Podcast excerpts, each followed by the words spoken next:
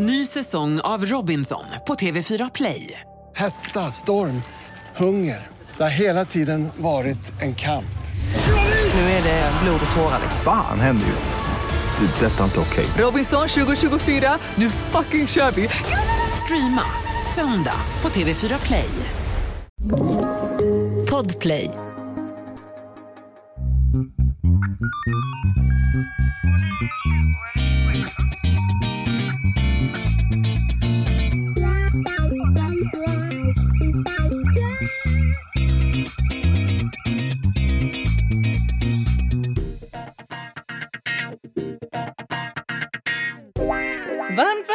Välkomna till krimpoddarnas krimpodd Över min döda kropp.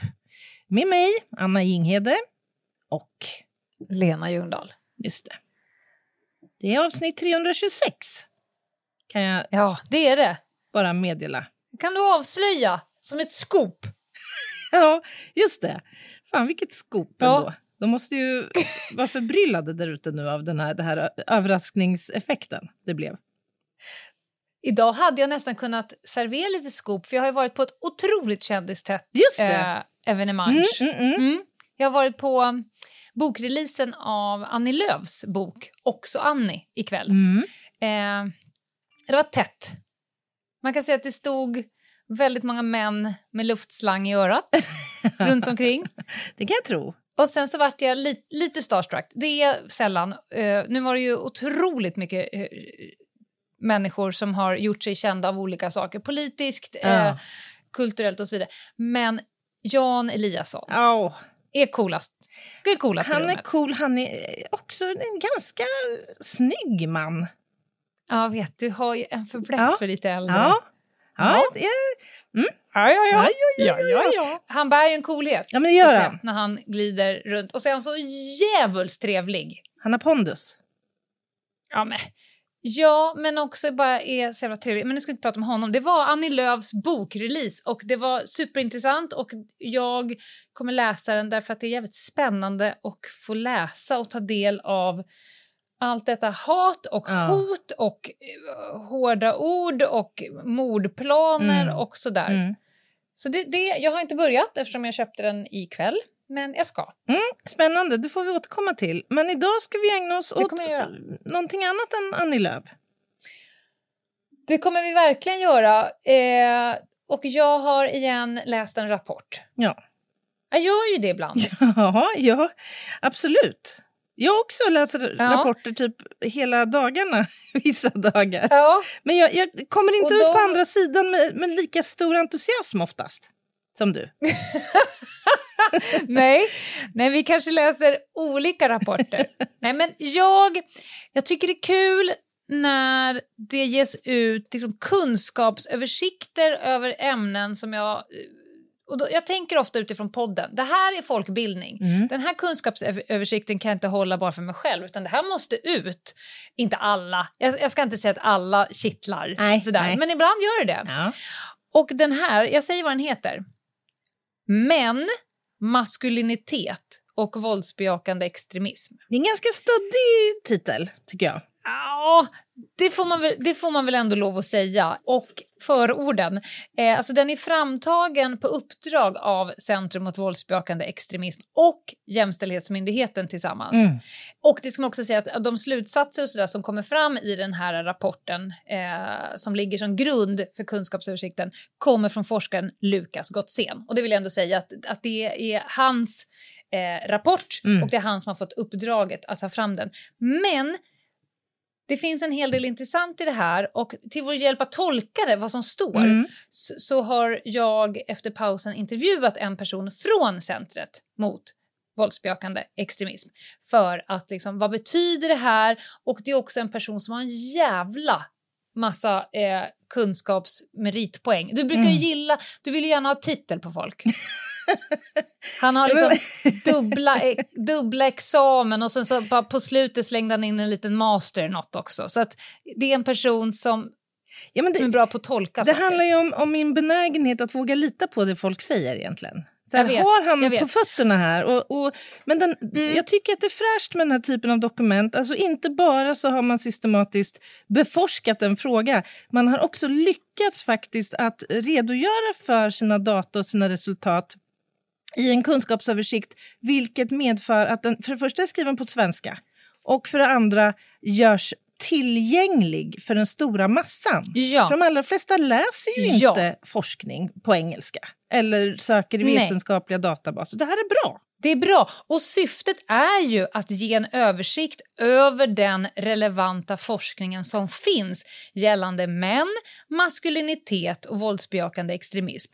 Alltså han har ju studerat allt, och jag kan tala om för dig att lilla referenssidan här bak, Ja. det är inte en sida. Det är ungefär halva boken, Ja. eller halva rapporten går ut på... Jag, jag skulle gissa att han har ägnat ganska stor del av sin tid åt att läsa En del. ganska torra dokument. Ja. Men du, får jag fråga en sak? Om man pratar om Ja. våldsbejakande extremism, måste man Mm. då analogt eller parallellt prata om män och maskulinitet? Nej, det måste man inte. Men, eh, och nu föregår vi intervjun lite, men jag tycker att det är en väldigt bra fråga för dig, eller från dig, därför att de har ju på centret återkommit till det som de jobbar med att förebygga våldsbejakande ex- extremism och så vidare. Och så har de bara konstaterat gång efter gång efter gång att det, liksom, det uttrycket, eller det moduset, i princip ägs av män. Mm. Och till slut så ställer de sig frågan, varför Mm. är det så? Och är det verkligen så? Och det var ju då de beställde den här. Så att du kommer få höra under intervjun lite vad de säger om det. För då, det är lite skillnad mellan den våldsbejakande vänsterextremisten, eh, extremismen, höger, islamismen och så vidare. Mm. Eh, för att ehm, en av alla jävla kandidater som vårt intervjuobjekt Marco har, det är ju att han är eh, genusvetare och historiker och har någon form av master i krigslära Ja. och så vidare. Kommer han besvara frågan då? Varför det är så här? Som du just beskrev. Jag tycker att du kan få höra det efter pausen. Ny säsong av Robinson på TV4 Play. Hetta, storm, hunger. Det har hela tiden varit en kamp. Nu är det blod och tårar. Fan händer just nu. Det. är Detta är inte okej. Robinson 2024, nu fucking kör vi! Streama söndag på TV4 Play. Aj, aj, aj, det kluckar i rören. Men det är väl inget att bry sig om? Jo, då är det dags för de gröna bilarna. Spolarna behöver göra sitt jobb. Spolarna är lösningen. Ah, hör du? Nej, just det. Det har slutat. Ett poddtips från Podplay. I fallen jag aldrig glömmer djupdyker Hasse Aro i arbetet bakom några av Sveriges mest uppseendeväckande brottsutredningar. Går vi in med hemlig telefonavlyssning och, och då upplever vi att vi får en total förändring av hans beteende. Vad är det som händer nu? Vem är det som läcker? Och så säger han att jag är kriminell, jag har varit kriminell i hela mitt liv men att mörda ett barn, där går min gräns. Nya säsongen av Fallen jag aldrig glömmer på Podplay. Välkomna tillbaka. Då sitter jag återigen i Podplays studio. En ny studio. Ni, om ni bara visste hur mycket spakar jag har framför mig och hur mycket jag får jobba mot mina egna tvångstankar här nu att börja fippla på saker. Men eh, för att hålla ordning på oss så har ju vi Oliver som vanligt. Och framför oss har vi då mannen, myten, legenden Marco som ska hjälpa oss att eh, närma oss det här superspännande, jag vet inte, är det kontroversiellt eller inte? Men i alla fall, välkommen till podden, Marco. Tack så mycket. Nu sitter vi här. Mm. Ja. Och eh, jag har ett eh, frågebatteri, embryon av frågor. Mhm. När jag tittar på dem så ser jag att det är mer påståenden. Men vi kommer kanske, jag kanske kommer göra om dem till frågor längs vägen. Men du jobbar alltså på Centrum mot våldsbejakande extremism. Vi springer på varandra i korridorerna ibland. Det, det, har, det har hänt. Det har hänt. Mm. Och där är du titel utredare. Precis. Då tänker jag så här, är du lite så här minipolis? Eh, nej, absolut inte. nej, men på den typen av myndighet som Brå är, eller ja, där, där Center mot våldsbejakande extremism ingår, Mm. Där är det ju egentligen lite mer eh, någon sorts, eller i mitt fall kanske, jag ska väl tala för mig själv mest, eh, så är jag någon sorts allt i allo egentligen. Alltså jag läser, skriver, eh, samlar och sprider kunskap. Det vill säga Mm. vid olika sätt. Jag kan utbilda, kan vara med och rodda lite konferenser eller seminarier. Och, ja, men sen är det också liksom, ja, egentligen alla bollar man kan få. Det är ju, alltså på CV är det ju extremt varierat vad vi sysslar tack. med. Det, Mm. ja, så att eh, ingen vecka är ju den andra lik egentligen. Det är ju mest en... Eh, men folk tror ju att man är någon sorts polis eller någonting. Men vi Mm. sysslar ju egentligen liksom inte med den typen av grejer. Alltså med mm, liksom brotts... Myndighetsutövning på det nej, sättet. Nej, Nej. inte på det sättet. Nej, precis.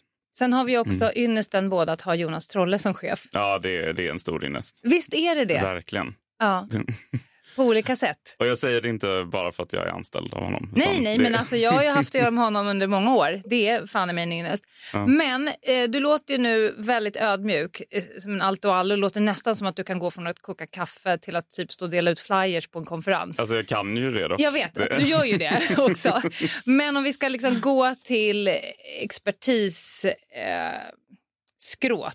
Mhm. Jag vet ju till exempel att du har en dubbelkandidat. Mhm. Det här kommer ju Anna gå igång på. Hon vill ju alltid ha liksom allas titlar för att hon ska kunna placera dig i ett fack och känna sig trygg. Just det. Vad är det du har en dubbelkandidat i? Eh, Jag har en dubbelkandidat i historia och Mm. eh, genusvetenskap. Men egentligen, ibland säger jag sociologi också för att eh, jag pluggade i Lund och där är det en väldigt sociologisk, ett väldigt sociologiskt program. Så, mm. Okej.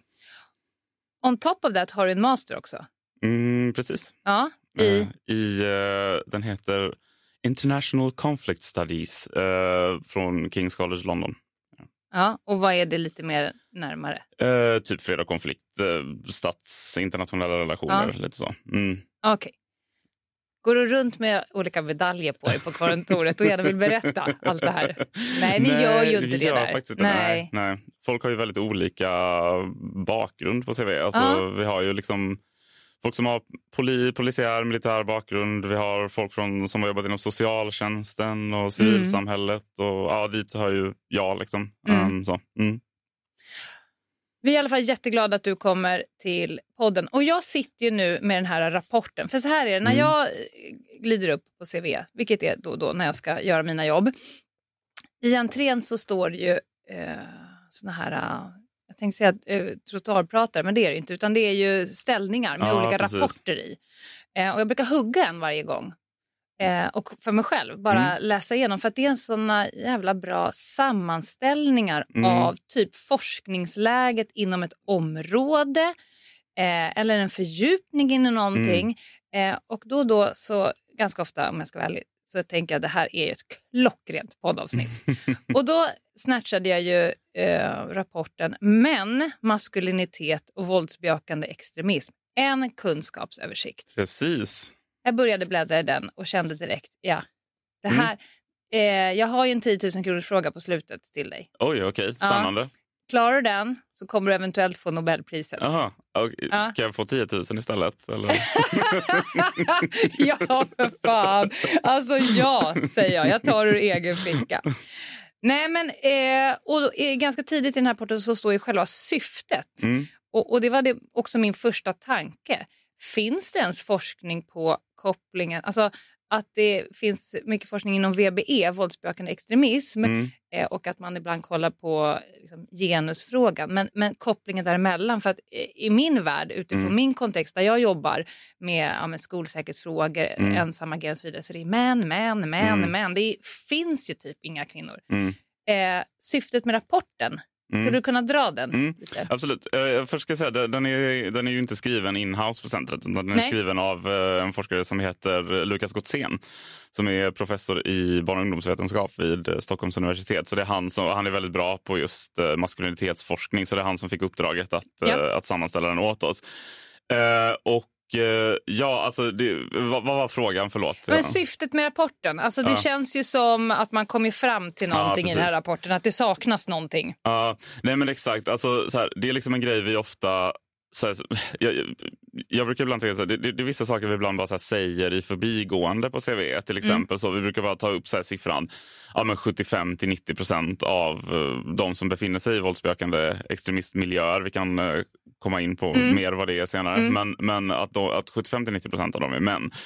Eh, och eh, det är liksom en sån siffra vi brukar bara så här Mm, så är det. Ja, precis. Eh, men men då, då var det som att eh, min, min kollega Lina och jag, vi liksom Mm. satt och pratade om det så var jag så här, bara, men vi har liksom aldrig stannat upp och verkligen så reflekterat över det. Att så här, bara, vad, okej, vad betyder det då? Eller så här, varför är det så? Mm. Eh, så då tänkte vi att så här, det måste ju finnas... För att, så här, det, det CVEs uppdrag är, är ju att jobba förebyggande mot våldsbejakande extremism. Och liksom, här har vi ju ett faktum Mhm. som vi eh, här, kan vara relevant för de praktikerna där ute på marken alltså, som jobbar som samordnare i kommuner och, eller första linjen personal som socionomer Mm. eller poliser. Att, att, att, det kan vara relevant för dem att så här, känna till det här, att vi vet vad det här innebär och hur man, vad man ska göra av det här i praktiken. Liksom. Eh, Så då tänkte vi att vi, vi börjar med att vi samlar vi, vi ber Lukas då samla den kunskap och forskning som finns på området och så sammanställa den och sen så ska vi då på centret ta vid och liksom koka ner den till att göra det här till något som är användbart också sen för folk Ja. ute i landet. Mm. Ja, för om man tittar på referenserna. Det är en tjock bibba Ja, grejer att kika på. Exakt. Eh, men det känns ju som att han i, eh, i sin sammanfattning har kommit fram till att det saknas just de frågorna till Mm. stor del, den forskningen. Exakt. Varför är det så att eh, VBE ägs i princip av män? Vad är det som Mm. gör det? Vad är hönan? Vad är ägget? Ja, precis. Göder varandra? Exakt. Och sådär. Mm. Mm. Så ni, nu ska ni använda den här rapporten och komma fram med något ytterligare då? Lite Ja. mera hands-on-grej eller? Precis, det arbetet eh, fortgår. Ja. Eh, Förhoppningsvis kommer vi ta några steg till där i höst. Eh, men men eh, det finns lite plan. Vi, vi gör samarbete med Jämställdhetsmyndigheten som också har varit Ja. med och eh, Mm. delfinansierat den här rapporten. Och vi, fortsätter, vi har en liten arbetsgrupp som vi fortsätter med där. Liksom. Så att vi, vi kommer ta eh, lite, det kommer lite nya grejer i höst. Eh, jag vill inte liksom springa och tjalla för mycket just nu. Det, får, Nej. vi får, Nej, nej, det, men det vi kommer i får- höst där. Eh, Jag tror att allt tyder på att podden finns i höst. Så vi kanske får möjlighet att återkomma till ämnet. göra. Mm. Okej, men vi har ju slängt oss med lite olika begrepp här nu i- Mm. inledningsvis. Eh, VBE, våldsbejakande extremism, den brukar delas upp i tre liksom, huvudmiljöer. ja, precis. Kan du beskriva vilka de är? Ja, exakt. Det, är- alltså, de här tre miljöerna kommer ju egentligen från Säpo från början. Mm. Eh, de följer ju den våldsbejakande islamistiska miljön, den våldsbejakande högerextrema miljön och den våldsbejakande vänsterextrema miljön. Ja. Och de följer ju dem för att de menar att i de här miljöerna så finns det folk som liksom har avsikt och eller förmåga, det vill säga kan eller vill ehm, för, ja, förändra Sveriges demokratiska statsskick helt enkelt. Mm.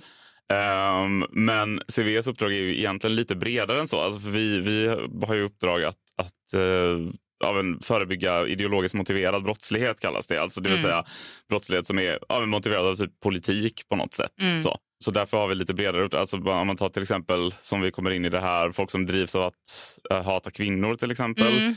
Eh, en annan, ett annat sånt exempel kan vara typ djurrättsaktivism. Men sen så, sen så finns det också, alltså inte all djurrättsaktivism, men våldsbejakande sådan. Ja. Eh, och sen också då, så, som du jobbar med också med typ skolattacker och så, Mm. som, är, som är sånt där det, alltså vi brukar säga att det, det, är, det är inspirerat snarare än motiverat av Ja. extremism. Alltså att, att, att det inte är liksom huvudsakliga motivet, inte någon politisk ideologi, men att det alltid finns inspiration från de här rörelserna. Så.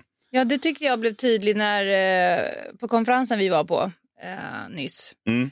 Alltså för då kom det då var Säpo där och det var justitieministern och det var CVE och Mm. det var Expo och så vidare. Jag tycker det Mm. blev så tydligt hur man kanske måste bredda begreppet för att inte stirra sig blind på liksom, aha, i den här ideologin så gör man så här. I Mm. den här, jag menar, så, ehm, som högern då till exempel, den våldsbejakande högern, eh, att man eh, att narrativet ändras så snabbt. Man egentligen bara tar en samhällsfråga och funderar på hur kan vi eh, utnyttja den här till våra egna Mm. eh, liksom större ändamål.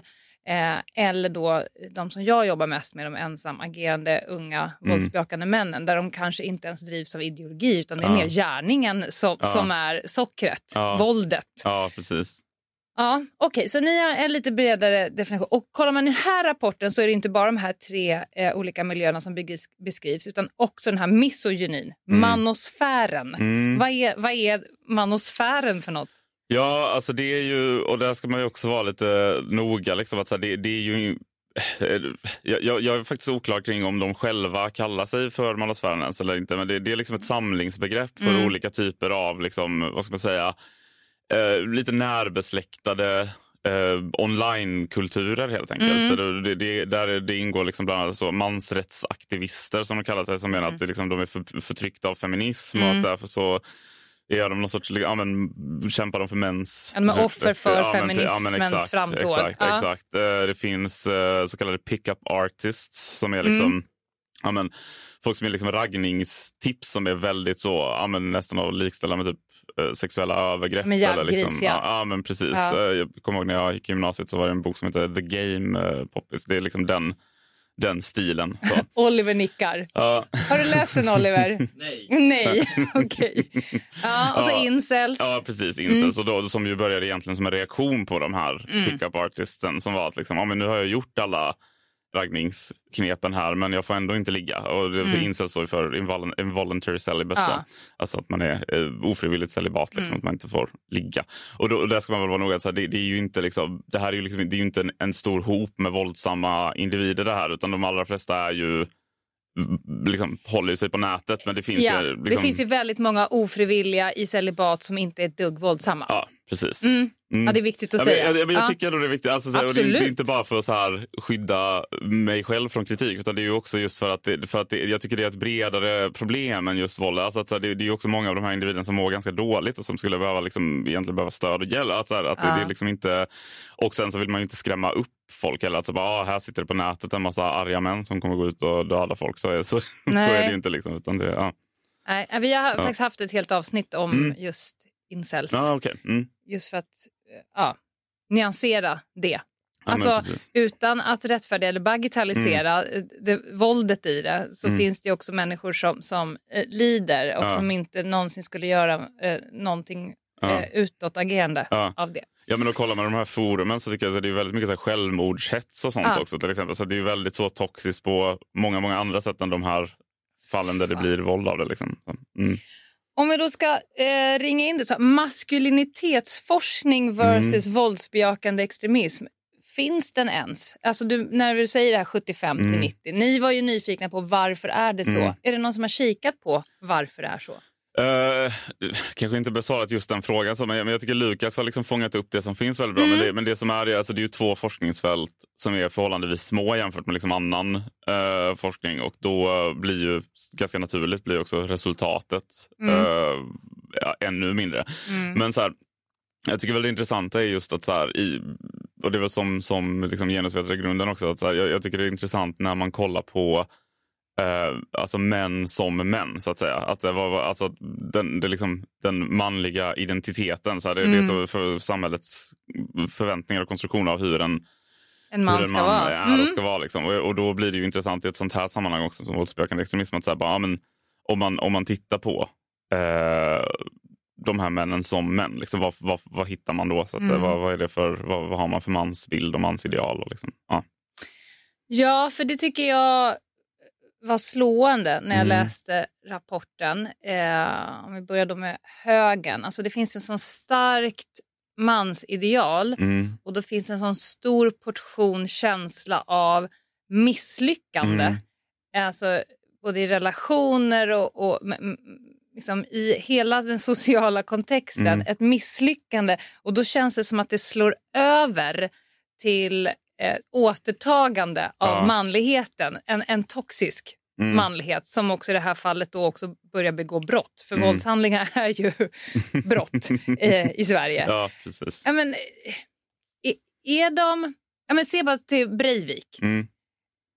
Det är ju fruktansvärt det han säger. Ja. I, i, han får ju en, en portion, en, en släng av sleven i den här rapporten. Mm, mm. Men, men hans, eh, hans ideal som Mm. inte kan uppnås Mm. och hans förslag på hur det här ska lösas. Mm. Kvinnor ska inte göra karriär, man ska avkriminalisera aga, Mm. eh, abort. Alltså det, var, det, var så, Ja. det är så frukt konstigt. Ja. Vilken typ av manlighet är det egentligen som är hotad? Ja, ja precis. Det, är- det, är- alltså jag, jag tror att så här, alltså om man ser det från liksom ett högerextremt perspektiv så tror jag att det handlar om att liksom de, de, skulle, jag, så här, de skulle nog inte hålla med om att de är emot jämställdhet till exempel. Utan de menar nog att de är för jämställdhet men att så här, feminismen har liksom skapat en situation där män inte får vara män och kvinnor inte får vara kvinnor. Utan att, så här, Mm. att det finns liksom naturliga drivkrafter till hur man vill vara. Så att en man vill vara liksom en krigare och liksom försvara Ja. nationen och att en kvinna vill liksom föda vidare nationen. Och, och, och då, då skulle de väl mena att, så här, det, att det är Ja, men att det är det som är riktig jämställdhet i deras perspektiv. Att man får utrymme till att göra det här. Men det blir väldigt så, som, du, som du är inne på, att det blir också så här, man får inte glömma att det här är totalitära ideologier vi pratar om. Exakt. Som vill liksom in och styra människors alla liv, så att, eller så här, alla Mm. liksom delar av människors liv. Så att det är liksom, det blir ju också den, den liksom jämställdheten de pratar om då utifrån deras perspektiv. Den är ju Mm. också extremt så här villkorad på hur deras idealsamhälle ser ut och vad de tycker Ja. är rätt och fel. Så att det blir ju liksom, det finns ju väldigt ja. mycket män som inte passar in i den form av manlighet som de vill skapa. Ja, och väldigt många kvinnor som inte passar Ja, i det absolut. Ja, It precis. goes without saying. Exakt, Men, men ja. även, jag, eh, jag har ju tre liksom, tonårssöner. Vi Mm. har ju väldigt intressanta liksom, diskussioner både Mm. med dem men, men Mm. jag och min man. Mm. Alltså eh, den här kampen för feminism eller Mm. kampen för jämställdhet pratas ju oftast mycket från att, att det kommer gynna våra tjejer. Ja. Men sett till våra unga grabbar Mm. så ser jag nästan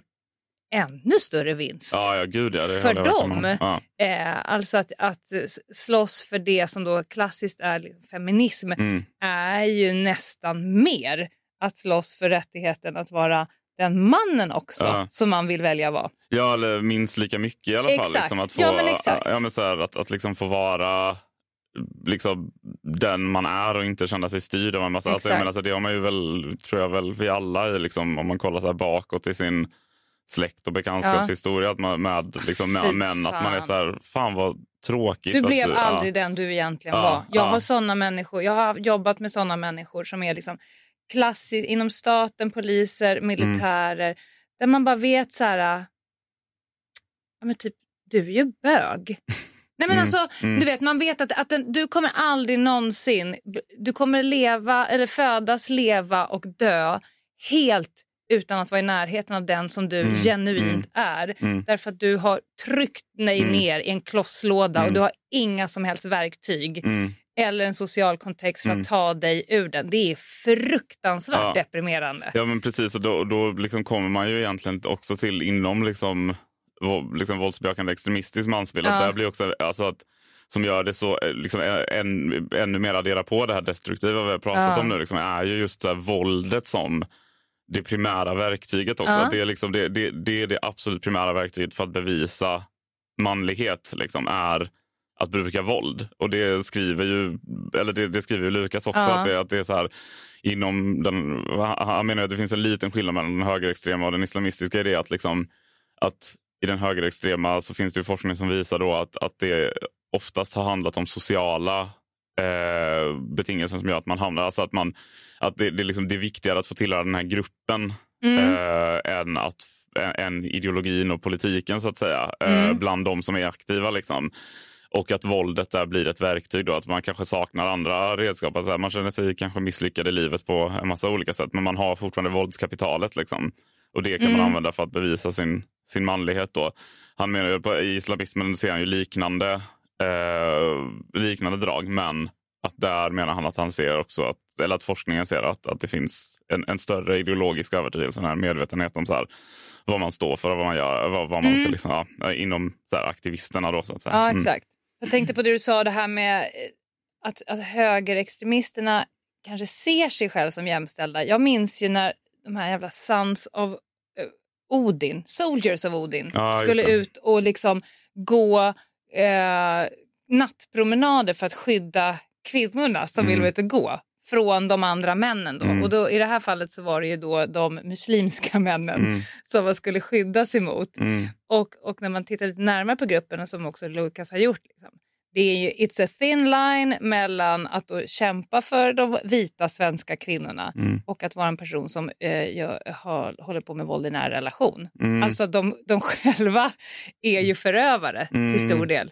Ja, jag, jag vet inget specifikt Nej, om, nej. om dem just. Men, men, Nej, men han pratar om, liksom ja. om, om korrelationen mellan eh, VBE Mm. och våld i nära. Mm. Att det inte liksom är två stuprör. Nej, precis. Och liksom, jag tänker att, alltså, och det här med att liksom skydda kvinnor, alltså det, det finns ju även i, i, om man tänker på islamismen Ja, till ja. exempel, att det handlar om det här. ju- Och Just att man heder. ska, Mm. ja, man ska skydda, skydda liksom ingruppens eh, kvinnor mot, mot utgruppens kvinnor, alltså, Mm. eller mot utgruppens män. Liksom. Eh, och det är ju också en sån sak som så här, Eh, det kan man också vara, så bara, men det är väl fint och bra att man skyddar kvinnor. Fast det handlar ju också fortfarande om du vet att så här, om, om du är den som skyddar så är du också den som har den yttersta makten. Alltså så här, om, Ja. om, om jag är din beskyddare Mm. då har jag ju också någon sorts makt över det. Jag Ja. har ju också ett våldskapital. Jag som låser liksom, in dig ja, hemma. Ja. Alltså det, man kan dra hur långt som helst. Jag låser in dig hemma och skyddar dig mot allt ont. Men precis. men jag har blir- också dig i, mitt absoluta eh, maktövertag. Mm, mm, Ja. mm. Eh,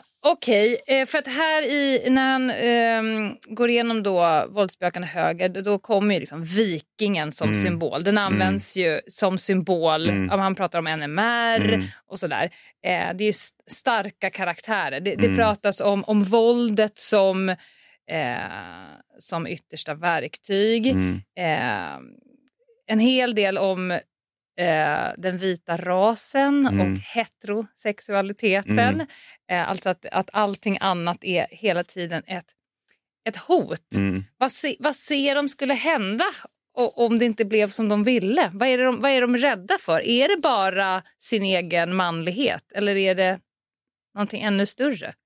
Ja, men jag, jag tror väl att i slutändan handlar det väl om att man vill liksom, ja, men, bevara den här idén om den, alltså den här idén de har om en, om en ras. Liksom, att Ja. den skulle kunna äh, dö ut helt enkelt. Alltså, så här, på, om om liksom, äh, kvinnor går och, och, och gör karriär istället för att föda barn. Och så. Jag tror att det är liksom någon sån...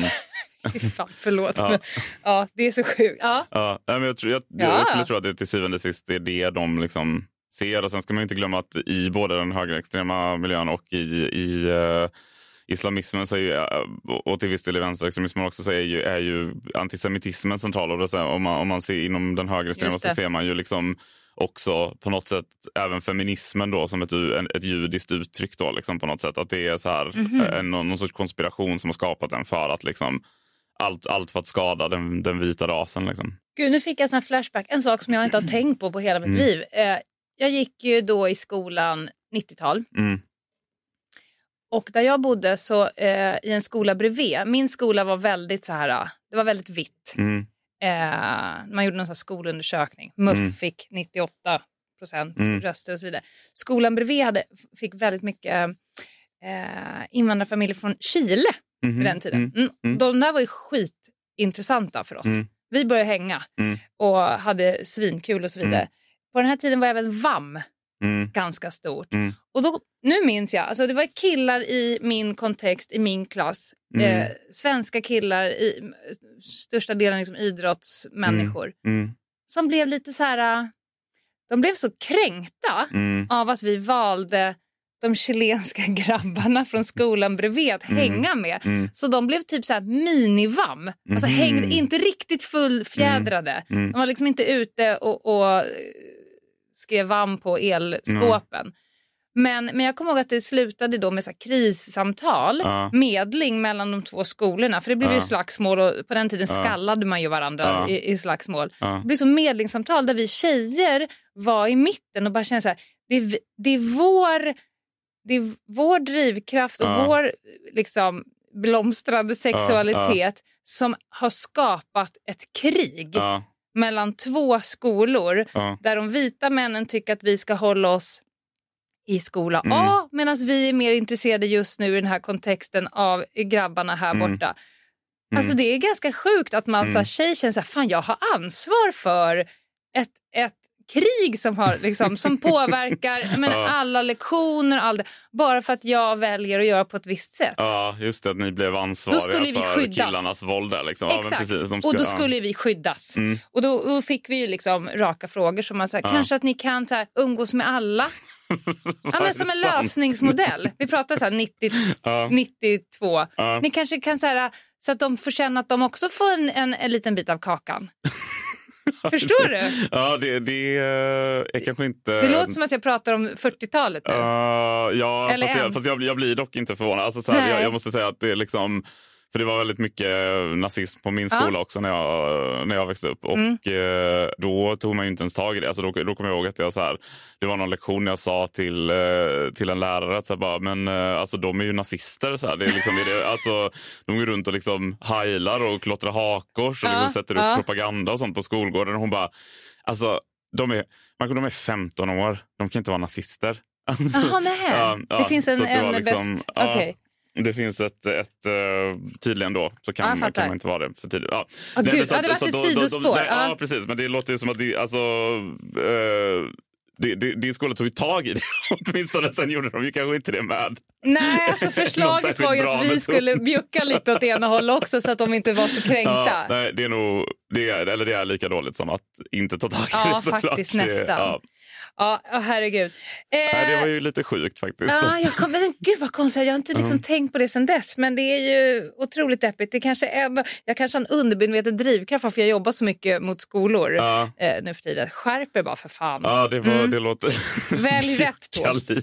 Alltså, Ja. ja. Okej, men om vi ska Ja. eh, gå över till de eh, våldsbejakande islamistiska extremismen. Då. Där pratar du ju om att det kanske inte var, li- det var vissa likheter med högern men, men det finns en skillnad också. Mm. Att de drivs kanske mer av den ideologiska, eh, religiösa liksom, synen på kvinnligt manligt. Är det det som är... Ja, då, då, pratar ju, då pratar ju Lukas om det på, liksom, vad ska man säga, på individnivå. Så Ja. att säga. Men, men, men jag- tycker väl att så här, det, alltså, det som är... Alltså, så här, det, de, det är ju såklart väldigt olika rörelser men, men det, det som liksom på något sätt... Det, det finns ju ändå flera paralleller man kan dra så här, Ja. liksom, ytligt på, på just den här på just det här området. Just att det också där också handlar om just den här krigarmanligheten som ska skydda eh, Mm. de egna kvinnorna mot andra, andra kvinnor. Men- det jag menar, det, det som Lukas menar är ju att, att eh, Ja, men att, att bland individerna så, så, det, det, det är en stark drivkraft där också just det här att återfå en, en förlorad manlighet men att det finns att man kanske är mer i regel kanske mer eh, grundad i ideologin också Mm. eh, så på gruppnivå än, än vad man kanske är i den alltså att det kanske är fler högerextremister som är liksom mer ja, men mer grupptillhörighetssökande. Så Ja, säga. mer Ehm, identitet. Ja, men precis. Exakt. Ja. Sen, sen ska man säga att my- mycket av sån forskning ju, har ju några år på nacken så det kan ju ha förändrats Mm. också. Liksom, men det är det som, är, som finns. Liksom. Men, ehm, ja, men precis. Det finns ju många paralleller där till hedersrelaterat våld och förtryck till exempel. Mm. Eh, där, och det, där, där är ju, och det är ju ett problemområde som är liksom, det är ju bredare än, än islamism. Att säga. Alltså, det finns ju Islamism är ju då politisk islam så det, och det är bredare än både det och islam. Det, det finns ju liksom inom kristna det, det, och så också. Men, men det är ju eh, i, den typen av islamism som dominerar i Sverige och västvärlden, alltså salafism, jihadism, där är det ju Mm. nästan, kan man nästan säga att det ingår i, i ideologin liksom, och hederskultur. Liksom, att det är just att så här, ja, men mannen är familjens överhuvud och liksom hans, alltså kvinnornas heder är en förlängning av hans egen heder. Liksom, Mm. och, ja. Och eh, jag tänker, alltså, så här, det, det han, och när det kommer till manlighetsuttrycken där så är det ju det som Lukas beskriver. Det finns ju två sätt att liksom, åt, eller två varianter av drivkrafter till att vilja återta någon sorts förlorad manlighet. Det ena är ju om man kollar här i västvärlden så kan det ju handla om att här, om man är uppvuxen i, ett, eh, i, ett, i en kontext av rasism, liksom, att man kanske Mm. har utsatts för rasism och, är lite, alltså, så här, och, och känner att man kanske inte har fått liknande chanser som andra i livet. Så att, det, att bara det i sig kan vara liksom en känsla av, att, av tappad manlighet och då kan Mm. man liksom återta den manligheten om man då åker och, åker och strider för IS till exempel. Då i, Det är i fortfarande Syrien. våldet som är lösningen. Ja, men precis. Mm. Det får, exakt. Och där är en tydlig parallell. eh, att det är just våldet Ja. är liksom verktyget för att bevisa din maskulinitet.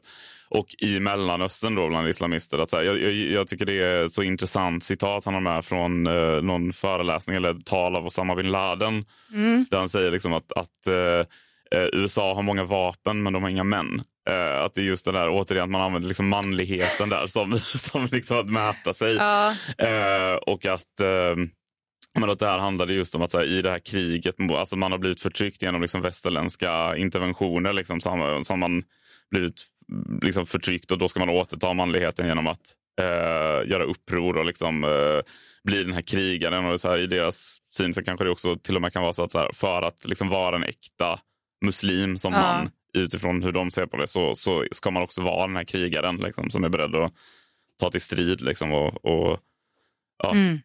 Och det handlar mycket om att hämnas, eh, hämnas kränkningar mot islam och så, liksom, som vi har sett exempel på. I, Men det här, eh, om vi bara går bort ifrån den våldsbejakande eh, extremismen av olika Mm. sätt.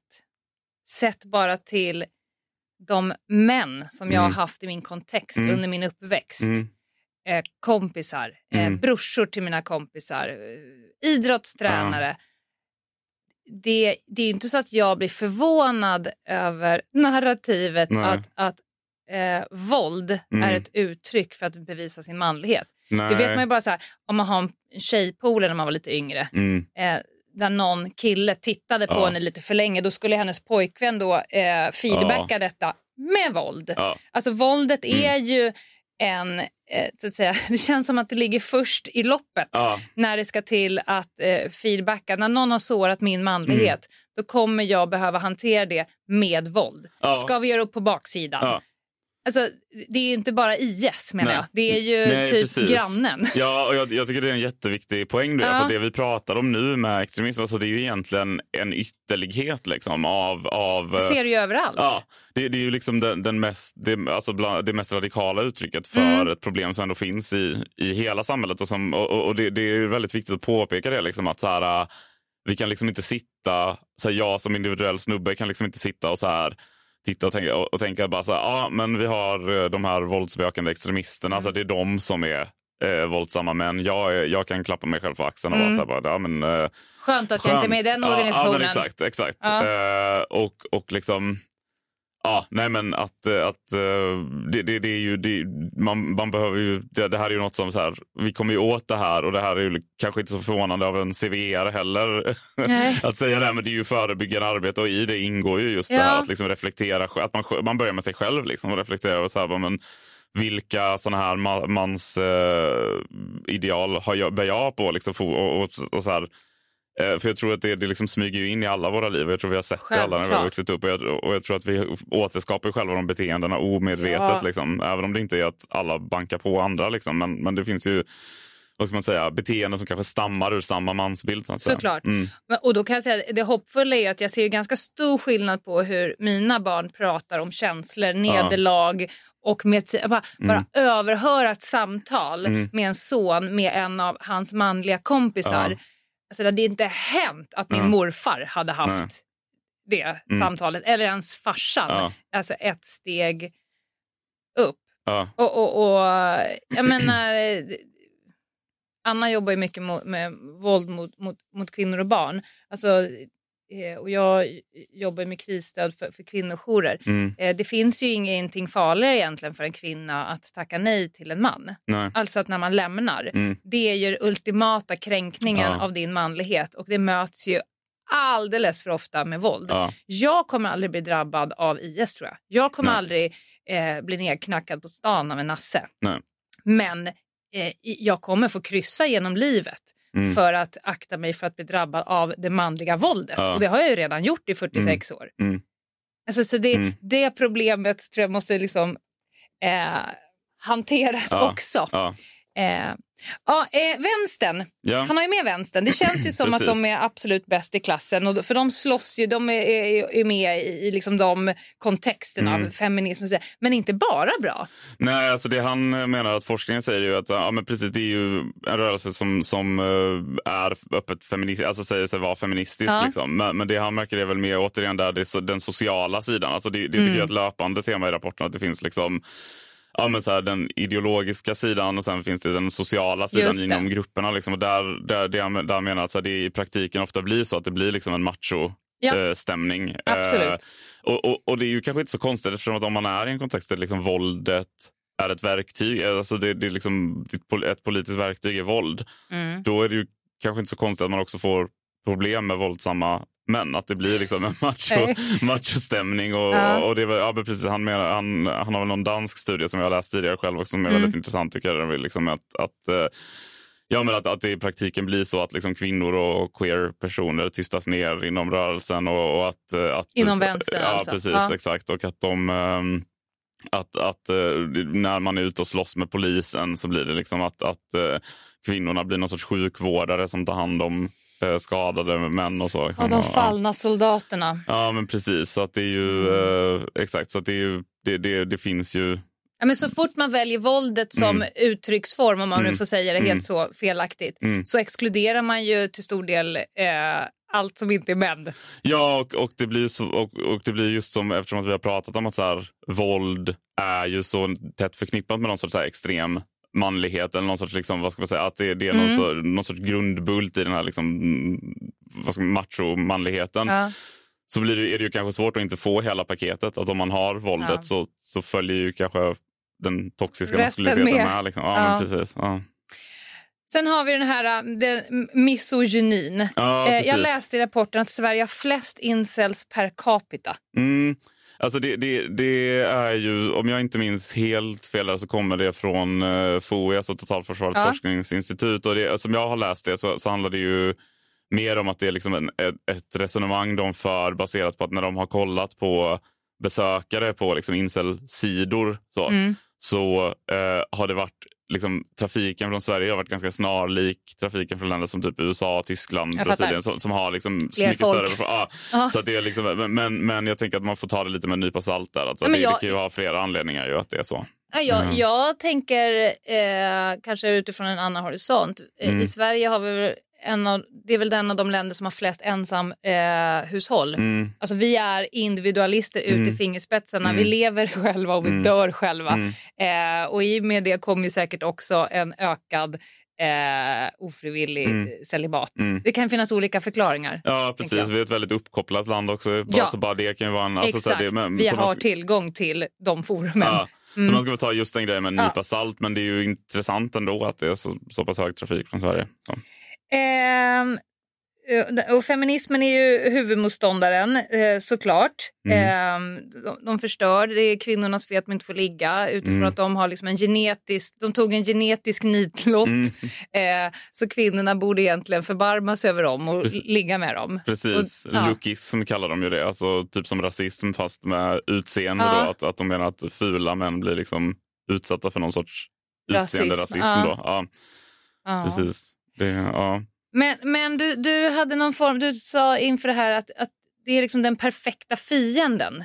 Ja, Vad menar du med det? Nej, men alltså så här, det, det är ju, alltså just det, jag, jag, kan, jag kan ibland tycka eh, att det är, finns ett litet problem kring det här, den här stora uppmärksamheten som incels eh, har fått under eh, de senaste åren. Mm. Alltså, alltså, det är ju, själv- alltså, jag, jag läste ju någonstans att, eh, att eh, i Nordamerika under 20, 2010-talet så utfördes, eh, om det var 9 eller 10 procent av alla eh, massattacker Mm. av eh, någon som hade någon typ av incel-motiv. Mm. Och Ja, det finns flera- ju eh, PDV-attacker Ja. liksom där incel har varit huvudmotivet. Ja, exakt. Eh, Så att det är ju ett allvarligt problem och det ska Absolut. ju tas på allvar. Men, men, men jag kan tycka det, det, blir, det blir liksom ett väldigt stort fokus ibland och Mm. ett väldigt stort intresse kring det. Och det, det jag kan ibland känna är att här, det, det, det tror jag kan ha att göra med att här, i en liksom, feministisk kontext eller vad man ska säga Mm. så, så blir ju det en väldigt, eh, en be- väldigt perfekt fiende med incels just för att det är så här ja, men vita kränkta män som inte får ligga och så är de, är de sura för det och då, då är det liksom väldigt tacksamt att fokusera väldigt mycket på den gruppen. Ja. Och då, för då behöver man inte hantera så jobbiga frågor som typ ja, men kring islamism till exempel. Det kan Ja. ju finnas många som är obekväma med att så här, ta i så här, bara, ja, nu blir det jobbigt för här handlar det liksom om, om islam och så. Liksom, Ja, att det, exakt. Så att jag tror att det, det, det är liksom... Och det, heder. Ja men Mm. precis, och det är ett liksom, litet varningens finger där bara. Att, så här, det, Det är en det, lätt motståndare. Ja, och också ganska okontroversiell Exakt. att i vår tid Mm. klaga på den vita kränkta mannen. Exakt. Det är så otroligt okontroversiellt. Ja men precis. Och, och, och med- medan För man... att de är oftast en del av problemet. Precis, Ja. precis, medan det finns andra extremiströrelser, extremiströrelser som kanske har mycket större Ja. våldskapital och som kanske man Ja. egentligen borde lägga eh, mer fokus på. Så, Mm. så det, det kan jag... Vad intressant. Ja, det, det är en sån reflektion. Ja, men, men, men med det sagt så är det klart man ska fokusera på incel-rörelsen. Alltså det finns ju... Det finns ingen motsats Nej, mellan men precis, det. Nej. precis. Eh, Men och, och sen omvänt också, det, det är ju det vi har pratat om alltså, på spåret vi var inne på tidigare också. Alltså, det blir ju också så, det är lätt att titta på de här liksom, kufarna i utkanten eh, och liksom peka på dem och bara så haha, kolla vilka, vilka sopor de är. För då, och då behöver, det blir väldigt bekvämt för mig. Då behöver inte jag fundera över mitt eget eh, beteende och mina egna värderingar. Och så, för att då kan jag bara säga, ja men jag är i alla fall ingen sån kvinnohatande Gud, incel. det där är så intressant. Det där Ja. tycker jag är en av vår tids... Liksom, man läser något sånt här våldsdåd, vi Mm. blir matade med såna ganska Mm. ofta nu. Eh, då vill man ju gärna eh, sätta etikett på Mm. honom. Det är för att han är psykopat, det är Mm. för att han är muslim, Mm. det är för att han är med i gäng, det är för Mm. att han är incel, Mm. det är för att han är bla bla bla. Mm. Men den gemensamma nämnaren är att de alla är män. Mm.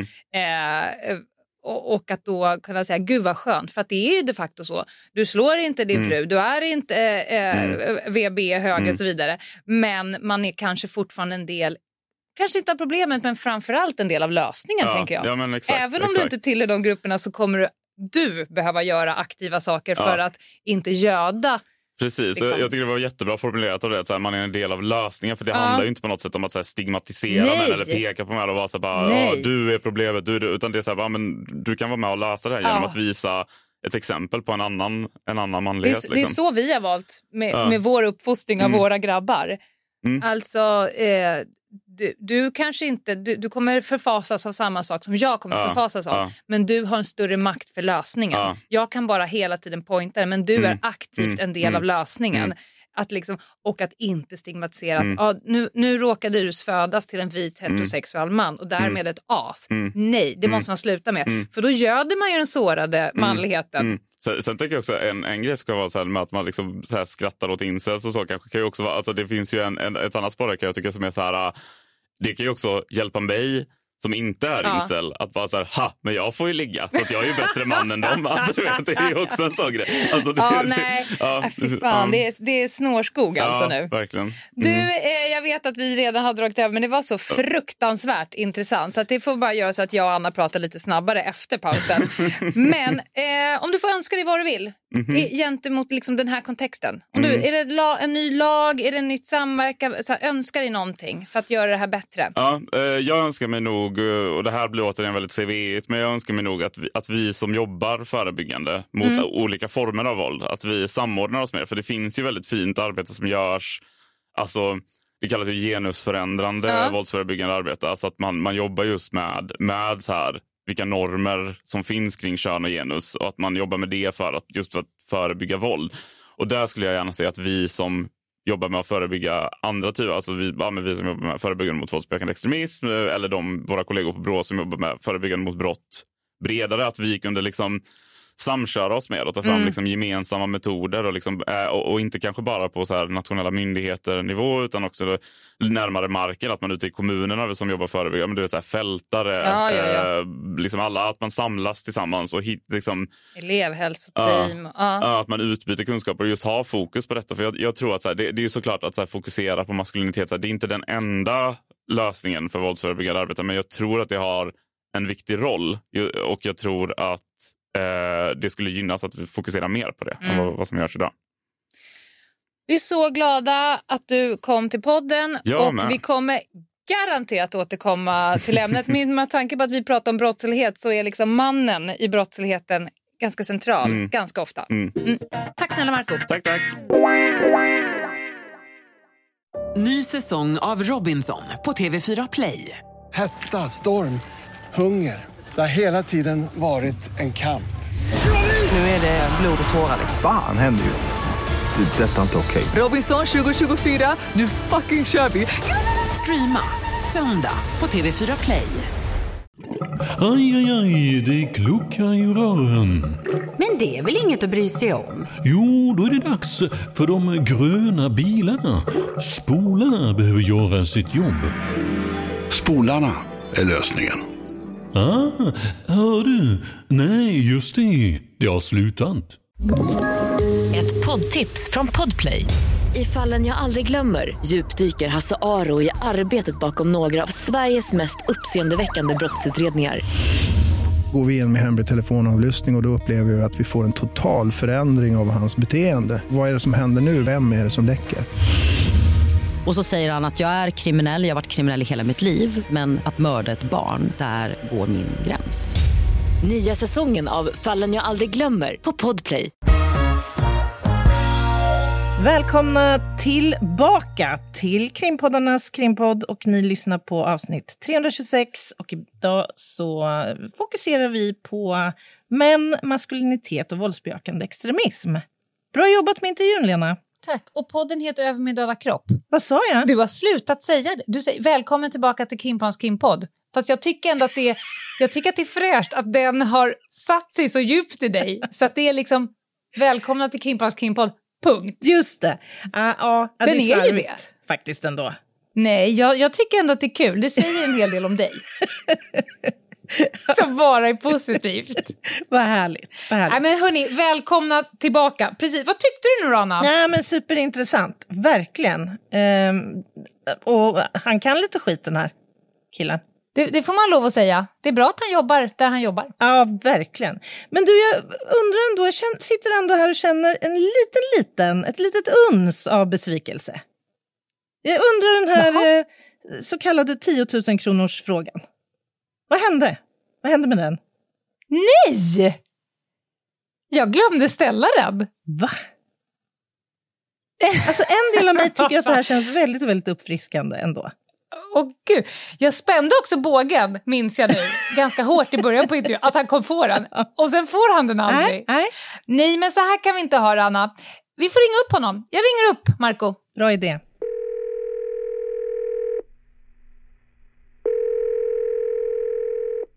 Ja, hallå? Hej Marco, det är Lena. Hej Lena. Hej, long time...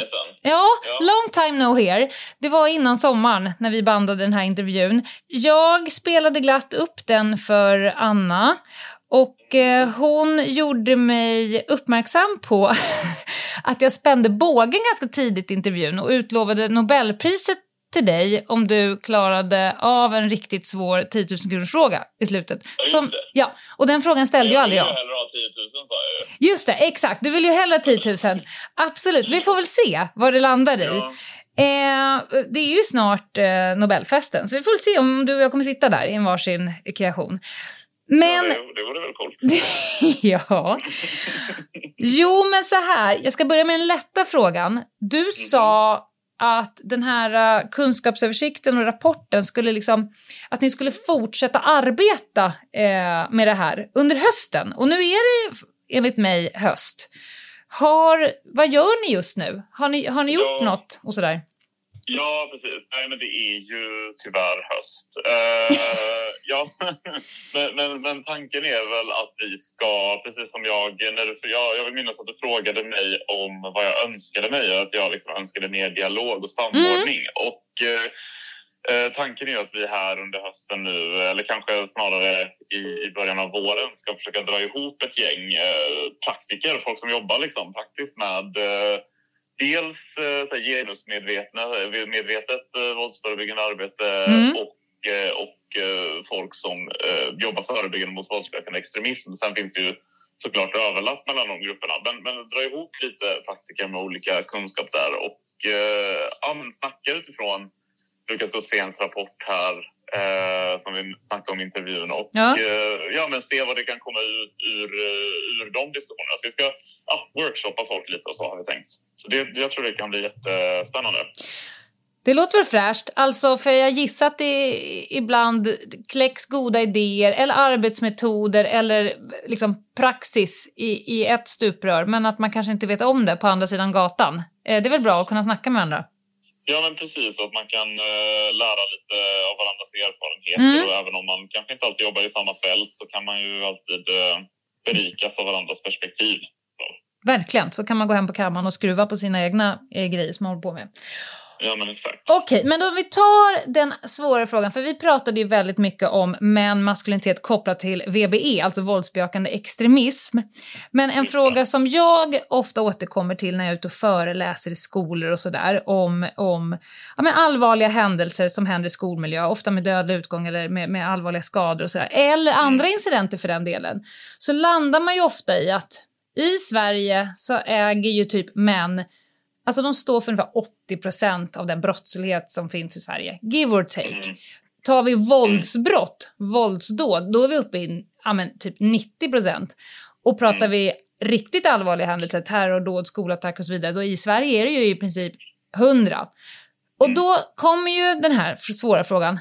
Varför är det män som, som startar eh, krig, begår brott, använder våld som metod och så vidare. Jag förstår nu att du sitter, du himlar kanske med ögonen så mycket så att du ser din egen hjärna och tänker så här, hur, hur lång tid har vi? Men om du skulle ge ditt enkla svar på frågan?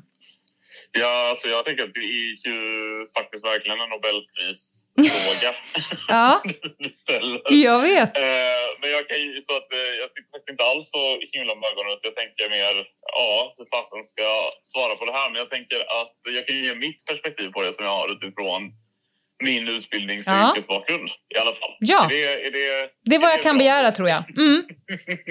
Ja, men precis. Men alltså så här, om man tar krigbiten så tänker väl jag att eh, det handlar väl kanske om att det är män som historiskt sett och idag tenderar att hamna i den typen av maktpositioner. Alltså jag, jag, tror, jag kan ha fel, men jag har svårt att tro att vi skulle slippa krig eh, bara för att eh, kvinnor styrde tyvärr. Men eh, det, där kan jag ju ha fel som sagt. Men, eh, Mm. Eh, Sen tänker jag väl på den, liksom den bredare liksom, ska man säga, brottsligheten och så. Så tänker jag så här, vi har ju också byggt in en, eh, liksom en våldsamhet i, i bilden av vad, en, av vad en man är. Och det får ju också effekter sen i vilka val man, man ser eh, blir tillgängliga för en som man. Eller hur man väljer att hantera utmaningar eller motgångar. Eller liksom, ja, vilken väg som är öppen för en.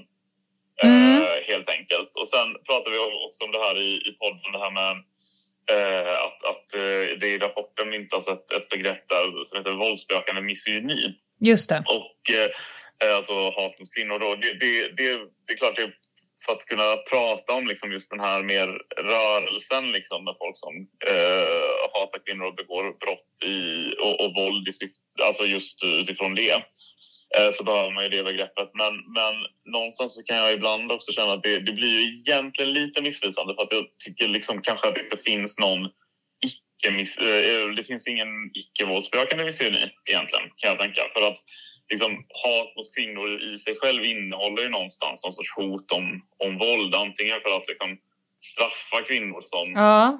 som, som avviker eller män för den delen. Eh, eller att liksom, skydda kvinnor då, mot de här onda männen eller fiendemännen. Liksom. Och det gör man då Eh, med så. våld.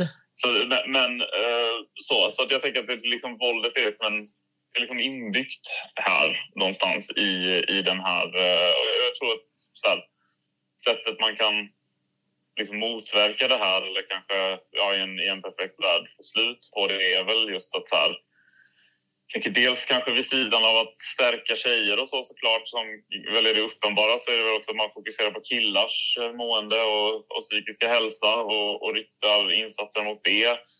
Eh, men sen också överhuvudtaget att jobba för, för jämställdhet på, på samhällsnivå för då, då, då tänker jag att liksom, ja, ju, mer, ju mer jämställda vi blir och ju mer jämlika Ja. så, så, så desto, desto mer kan vi väl eh, bygga bort den här liksom, eh, vad ska man säga, det inbyggda våldet så att säga, som finns i de här eh, tankarna och idéerna. Men det finns såklart andra sätt att se på det här också. Det finns kanske någon jättesmart eh, människa som kan eh, på liksom neurokemi och genetik och sånt som Ja. jag inte kan eh, någonting om. Men det, det, det här svaret får du av mig i alla fall. Ja, och, det, och det, då låter det ju eh, som att det finns, även om, eh, det är såklart att det någon annan person som då jo- jobbar biologi och eh, kemi, kemi och synapser eh, har en, också en förklaringsmodell. Men det låter ju som att enligt dig finns det ju en hel del förklaring i i miljö, socialt liksom överförda mönster, levnads, alltså normer och sådär. Att man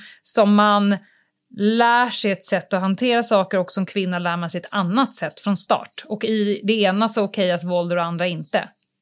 Ja, men precis. Ja. Och sen, men, men sen så ska man väl, eh, som jag tror vi var inne på i intervjun också, när man pratar om specifikt våldsbejakande extremism, alltså det ska ju inte heller... Det finns ju kvinnor som är aktiva i våldsbejakande extremism och som liksom... eh, Och, så, och, och, så, och det ska ju inte heller eh, förringas eller så här att de så på något sätt har ett mindre Nej. ansvar i de, i de sammanhangen. Utan det är ju så. Men, men, men eh, om man pratar liksom i ett helikopterperspektiv Ja, så, visst. Och det mottalar väl så, eller det, mot, det säger väl emot då att det bara skulle finnas biologiska förklaringar. För det finns ju faktiskt kvinnor som använder väldigt mycket våld. Eh, Ja. Ja. Ja, men precis. Eller att det kanske finns... eh, Jag tänker att det är väl inte varken det ena eller det andra. Det är väl någon sorts blandning. Men att du har ju... Jag tänker om man kollar på gruppnivå så Ja. är det väl så då. Att det finns Ja. liksom eh, skillnader. Men går man ner på individ så är vi ju fortfarande ja, individer så att säga. Och olika sinsemellan. Det är väl en jävla tur ändå på något sätt. Ja, det, det är det ju faktiskt. Ja, äh, men tack Marco. Och det här är ett ämne som vi, i och med att vi pratar väldigt mycket brott och straff i podden så återkommer vi ju ofta till gärningspersonerna, gärningsmannaprofilen och sådär. Eh, och det är alltid intressant att titta på det. Eh, och, och det sticker ut eh, här och var. Och, och i vissa brottskategorier så är ju kvinnorna eh, ordentligt representerade. Och då kan man fundera på varför de är det i vissa eh, liksom, brottskategorier. Jättespännande. Ja, det är det faktiskt. Eh, jag skulle säga så här att jag får väl helt enkelt bjuda dig på lunch tillräckligt. Vi får ha något avräkningssystem, att jag bjuder dig på lunch fram till vi har kommit upp i 10 000 kronor. Ja, men absolut. Det låter, det låter väl jättebra. Jag är en sån här sneaky, tänker så här, hur ska jag kunna tjäna på det här? Jag har trevliga luncher och blir av med mina pengar samtidigt. Det låter toppen. Jag käkar jättegärna lunch. Ja, trevligt. Tack snälla för att jag fick eh, ringa upp dig igen, Marco. Ja, tack ska du ha, Lena. Ha det fint. Detsamma. Ja, Anna, där fick du 10 000 kronors frågan. Det, han lät ju som en gammal folkpartist, så här, å ena sidan och andra sidan. ja, lite så. Men, men det är Ja. inte heller konstigt, såklart. Nej. Han är ju forskare och eh, alltså, en studie räcker inte. Du nämnde inledningsvis hans referenslista han lutar sig mot. Alltså det här Ja, är ju kunskap nu inte- som är ständigt under utveckling. Ja, det, så är det ju. Vi ska inte blanda ihop eh, Marco med forskaren Lukas Gotzén. Men Marco är ju eh, eh, en... en eh, så här tycker jag. Ju mer man vet om saker och ting, desto mer blir ju svaren aldrig riktigt krispiga. Det blir ju å ena sidan och å Mm, andra sidan. mm. De som är jävligt säkra på sin sak och levererar ett sånt här klockrent så här är det, Mm. då blir man ju lite skeptisk. Ja, det blir man. Och det ska man vara. Man ska förhålla Ja. sig kritisk. Absolut. Så är det. Ja, men bra jobbat, Lena. Verkligen. Tack! Och nu ska vi stänga den här lådan för att jag vet att du har förberett en eh, jätte, jätteviktig lista. Ja, det har jag gjort. Det har jag gjort. Men ska Mm. vi prata lite samhällsinfo ändå innan? Ja, och idag är det väl torsdag va?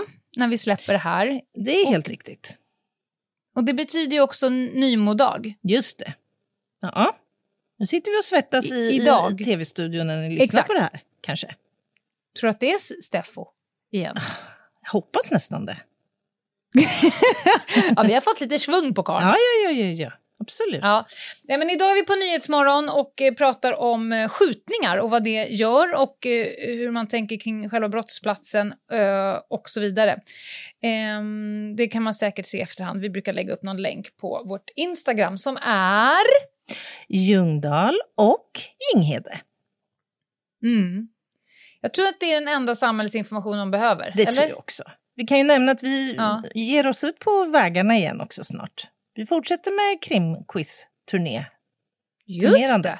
Vi ska till Ellery Beach. Ja, det ska vi. Det ser jag jättemycket fram emot. Jag med. Det är inte ett obehagligt ställe att vara på. Nej, det gör inte ont. Det gör inte ont alls. Det gör inte ont. Nej, Anna, nu, nu får du ge oss det. Vad har du för lista idag? Ska du till, till munhålan? Kava oralis, eller vad han heter? Kave Moris. Ka- så, så ja. Mm. Nej. Är det dit? I, idag blir det en betydligt, ett betydligt torrare tema. Och det kommer här. Mhm. Annas jätte, jätteviktiga lista. Ja, men vi, vi är ju mitt uppe i en ganska kritisk fas av vårt författarskap. Nu redigeras det, Mm. vi, vi dödar älsklingar och vi behöver Ja. kompletteringsresearcha saker och allt det där. Och då kan Ja. det ju kännas frestande att fråga AI eller ChatGPT eller kanske låna lite text från någon. Så att man känner sig, nej men det här Kommer är, jag få tips nu? det här är så jobbigt att skriva så att jag, jag, jag behöver ta en genväg här. Nej, det kommer inte vi göra, men, men många före oss har ju valt att gå den vägen så att säga. Plagiera, Mhm. förfalska, kopiera. Är det urkundslistan som ja, kommer nu? den kommer idag. Och det här, mina vänner, fint. kommer bli livets torraste lista. Jag säger det redan nu, men vi behöver ha den. Vi behöver prata om det här, tycker jag. Ja. När jag har varit ute och snokat runt lite on the internet, så att säga. Då, Mhm, Jag trodde ju mhm. att det är ju framförallt i universitetsvärlden det här förekommer. Plagiering och sådär. Nej, nej. Mm. Alltså, det är inte bara eh, så att säga, akademiska texter som förfalskas och kopieras hej, hejvilt. Det kan vara föremål, det kan vara konst, det kan vara signaturer, musik och annat. Ja, och då Mm. tangerar vi ju liksom urkundsbrottet och sådär. Så att det är lite Mm. mischmasch av olika saker som kommer här nu på listan. Plats nummer fem Mm. då. Några exempel ändå från universitetsvärlden och där finns det mycket att hämta. Eh, Alltså många exempel Mhm. där ute på, Där på, på ganska magstarka plageringsinsatser. Alltså det, det Mhm. finns till och med, så att säga, jag läste i något land, någon, någon, någon utbildningsminister, jag undrar om det inte var i Tyskland, som hade avlagt en doktorsgrad på 80-talet och när man gick tillbaka och tittade så visade det sig att 65 procent av avhandlingen var direkt plagierad från andra. Men du håller ju på att forska. Skulle du inte kunna öka på takten lite grann bara genom att... Alltså min utmaning är ju, alltså, så här, när man har läst kanske som jag 300 artiklar på ett visst tema, Mm. så är det ju ofta, man ser ju att för, här, forskare har ju läst andras artiklar. Och mitt Ja, forskningsämne är ganska litet. Så ibland så är det ju snubblande nära formuleringar alltså. Närliggande alltså. Ja. Så här får man ju Ja. verkligen vara med så att man inte går i fällan utan att så att säga ha uppsåt att göra det. Nej, exakt. Så Du kan ju inte råka att du har lika torrt och tråkigt språk som de andra forskarna. Ja, men det är ju i och för sig inte helt osannolikt att det skulle kunna Nej. Vara så. Nej, men häromdagen till exempel så läste jag om ett uppmärksammat ärende här i Sverige. Då var det då i och för sig fråga om förfalskning av en underskrift, eh, en underskrift på ett kursintyg i syfte Mm. att komma in på Musikhögskolan. Så då tog han då Mhm. ett kursintyg från en eh, annan skola och eh, satte en rektors signatur på kursintyget och skickade in. Mhm. Det var bara det att när det här då nådde Musikhögskolan så drog man öronen åt och tyckte det var konstigt att rektorn skrivit under det här. Eh, och eh, ja, gick till botten med detta och det visade sig vara eh, förfalskat. Och va- varför nämner jag det här då? Jo, för att eh, jag skulle vilja bara göra ett litet medskick. Du har ju varit inne tidigare på det här ofoget att, eller oskicket att skriva upp någons namn på en lista eh, i en eh, hörsal när det är fråga om ett obligatoriskt moment i en utbildning. Ja, då fäller jag ner bommen. Precis. Och Mm. detta ska man ta på allvar om man nu är student. Och inte göra Mm. det, därför att det här kan få disciplinpåföljder i universitetsvärlden. Det betraktas som fusk. Så gör inte det. Det kan leda till avstängning eller varning för den student som sätter upp en kompis namn på en lista som inte är på en obligatorisk Nej. eller examinerande föreläsning till exempel. Jag har ju bestämt mig för att nästa gång, eh, för vi har ju pratat om det här, Ja. att det händer när jag föreläser på juristprogrammet. Just det. Kan man ju tro att det är rättskaffens folk, Det kan men man det är det eh, inte bara. Nej. Jag har bestämt för att nästa gång när jag påbörjar mina lektioner ska jag säga så här, tänk inte ens tanken Nej. på att skriva upp namnet på en person som inte är i det här rummet. För då, då kommer den heliga vreden komma i år igen, Just så att det. säga. Och den Ja. vill ni inte möta. Nej, i den här det gynnar miljön. ingen. Mm.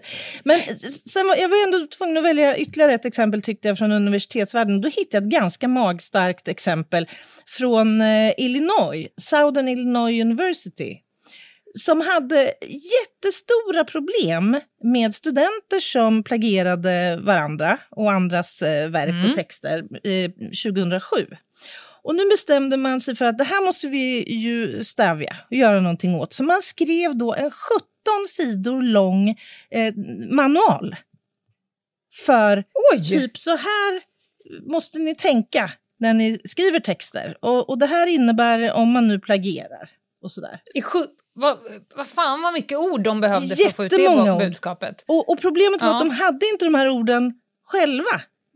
De gjorde då en definition bland annat av vad, vad eh, plagiarism är för någonting.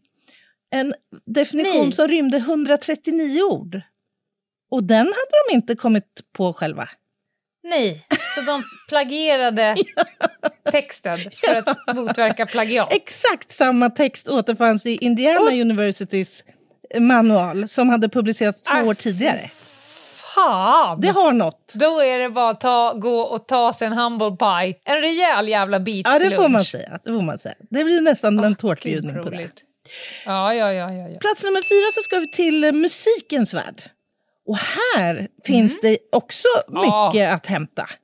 Ibland är det ju rena eh, skräckexempel, alltså det, det är ju uppenbart så att säga att det är snott. Ja. Och ibland så är det kanske lite mer långsökt. Jag hörde till exempel att häromdagen att introt till Fula gubbar med Magnus Uggla är snubblande likt introt till Björnes magasin. Så det kan ni undersöka hemma om ni vill. Där har du förstört båda låtarna för all Ja. framtid.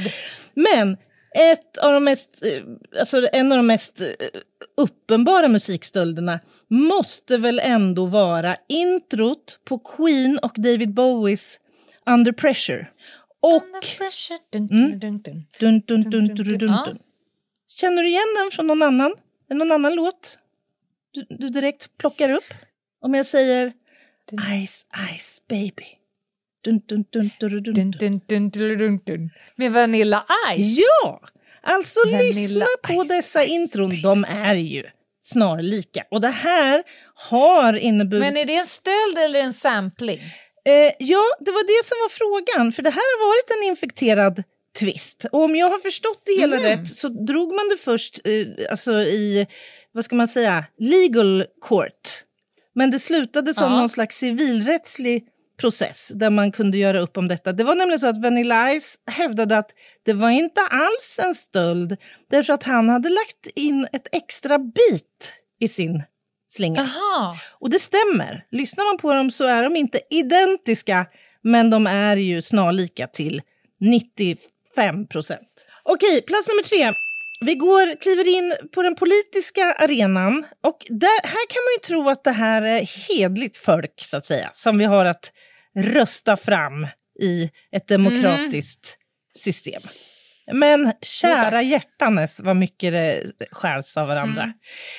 Trump kommer upp en del på agendan. Eh, och eh, bland annat hans fru som eh, lär ha stulit stora delar av ett tal som Michelle Obama eh, höll något eller några år Det vet jag. tidigare. Ja. Mm. Sådana här exempel finns det många av. Eh, Men nu skulle jag vilja mm, rikta eh, lyktan så att säga, mot eh, eh, svensk, svenska exempel. Eller ett i alla fall, Mhm. svenskt exempel. Som är ganska intressant. Vi ska prata om Jimmy Åkesson. Och vi ska, Ja, vi ska också prata om hans tal i Almedalen förra året. Du kanske minns att han pratade om att han ville göra, han och hans parti ville göra Sverige bra igen. Mm? Förlåt. Ja. precis. Och det är ju lite intressant för att det påminner ju onekligen om Donald Trumps Make America Great Again. Jag vet inte, Ja, det är, det är i princip en översättning bara. det skulle man väl ändå kunna säga. Och, och byta av, ja. ja. Men, kan, man, kan man liksom patentera en sägning? Nej, alltså, det där har jag funderat väldigt mycket på. I så fall så skulle ju jag ställas inför skranket eh, ofta. För att jag fångar ju upp Ja. roliga citat och roliga sägningar och strösslar ja. omkring mig. Claire, vill du ha lite tårta? Varje gång du säger det så kommer jag ju så att säga anmäla dig. Jag menar det. Så det, Ja. vi, vi är väl inne i något, liksom, någon gråzon här. Ja. Man, man kanske skulle ändå kunna hävda att han lär ju ha inspirerats av Donald Trump. Mm. Det är ungefär som att Håkan Hellström lär ju ha inspirerats ungefär 40-50 gånger av andra textförfattare. Ja, hans namn dyker ju Ja. också upp ganska frekvent i de här Ja. så att säga, forumen. Jag, jag tror att gränsen går när det liksom är så här 20 rader i rad som man har inspirerats. ja. Men jag tycker ändå så länge det blir bra musik. Jag, jag kan leva Okej, med det. ja. Ja. Du Eh, vill hellre fria än fälla. Ja, lite så. Plats nummer Mm. två. Historiska dokument finns också en fäbless för att plagiera och förfalska Mm. och, och låta påskina vara originaldokument och så. Och då hittade jag en väldigt intressant eh, berättelse som eh, för mig var faktiskt helt eh, ny. Jag har inte hört talas om det här tidigare. Har du hört talas om det sensationella fyndet av Adolf Hitlers dagböcker? Mm. 60, jag tror det var 62 stycken. Ja, hört Eller i 62 någon podd någon gång. volymer. Ja. Mm. Som då påstods vara skrivna av eh, Adolf Hitler. Och de publicerades i en tidskrift som heter Stern på 1980-talet. Och det här blev otroligt uppmärksammat. Att man hade liksom kommit Mm. över det här. Det är ju ja, det finns ju ett sensationsvärde i det. verkligen, såklart. och framför allt ett enormt historiskt värde ju. Ja, ja visst. Eh, och det, det fanns ju ändå skeptiker här, för att det var ju många som påstod att Adolf Hitler inte överhuvudtaget förde dagbok. Men nu hade man då hittat svarta böcker eh, som, som Mm. var så att säga signerade av eh, Adolf Hitler. Med laxsigill och, och allt det här. Men det visar sig ju att... Förlåt, jag hörde fel. Jag tycker du sa med laxsill. Jag tänkte, vad är det för någon spännande fisk? Laxsigill. Jag, är med. Jag är med. Ja. Hur det än var så visade det sig ju sen eh, när man började gräva i det här att det här var ju en bluff.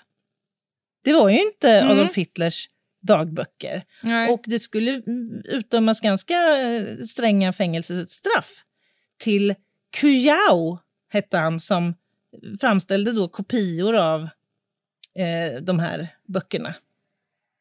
Det är Ja. helt sjukt. När han, jag läste för övrigt när han frigavs efter fyra och ett halvt års eh, fängelse så försörjde han sig på att istället nu göra olika kopior av, eh, av konstverk. Men med signaturen förfalskad av Kujau. Det är ändå lite ärligare. Fan, då har man blivit känd, hörru, om, om, det liksom är, om, det är, om det är en speciell proveniens att köpa en så här, aha, vad har du köpt för tavla? Ah, den är förfalskad. Ah, är, den, är, den, är den äkta förfalskad Ja, av? precis. En äkta Kujau? Eller är den förfalskning. förfalskad, förfalskad av? Det vill man ju veta då. ja. ja, men man gillar ju ändå, det är kreativt.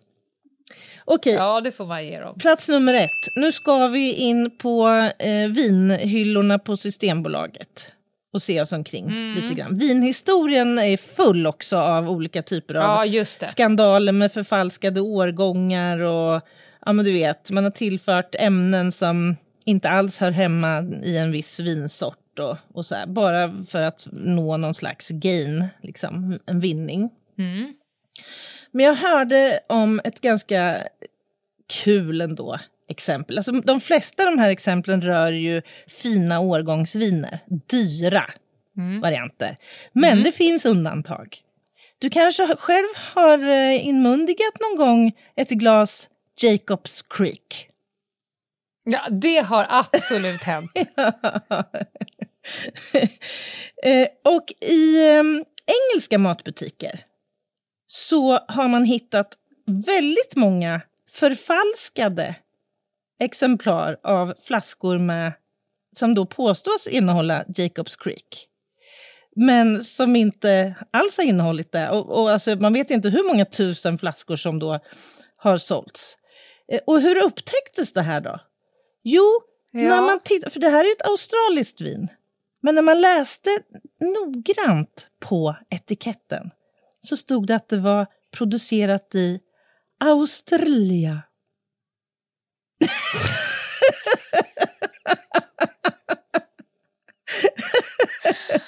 Åh nej, man missar på...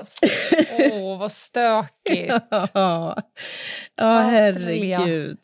Jag, jag, bara som lite kuriosa på vinavdelningen så kan jag nämna också ett väldigt uppmärksammat eh, förfalskningsfall av vin som Hardy Rodenstock ansågs eh, skyldig till. Han påstod att han hade hittat en vinsamling som lär ha tillhört eh, den amerikanska presidenten Thomas Jefferson.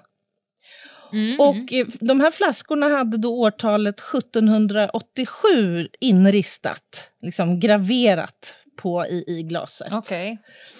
Eh, det var bara det att när man tittade lite mer noggrant på den här graveringen så visade det sig att den hade gjorts med en eh, tandläkarborr. Och tandläkarborren fanns inte 1787 eh, som var årtalet Nej. på flaskorna.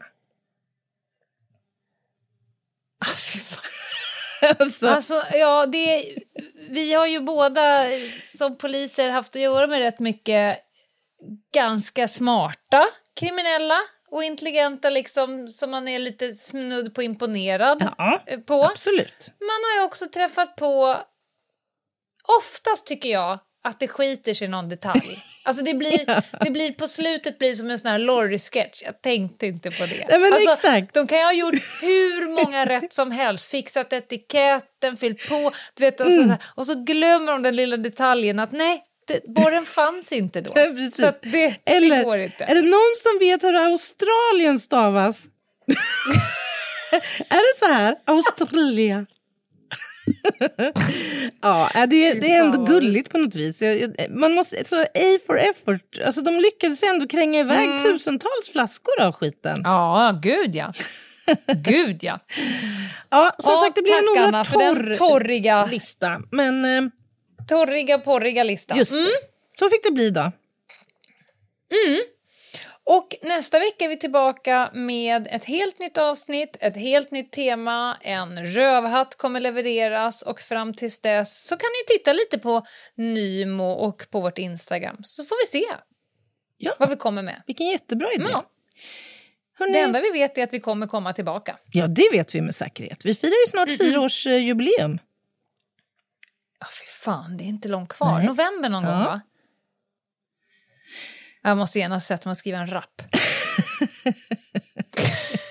Det ser vi fram emot. Hörni, ta hand om er där Ja. ute. Vi hörs och ses. Puss. Bye, bye!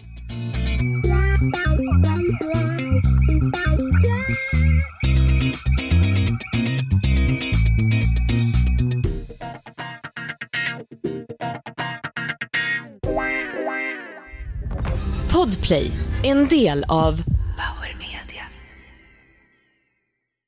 Ny säsong av Robinson på TV4 Play. Hetta, storm, hunger. Det har hela tiden varit en kamp.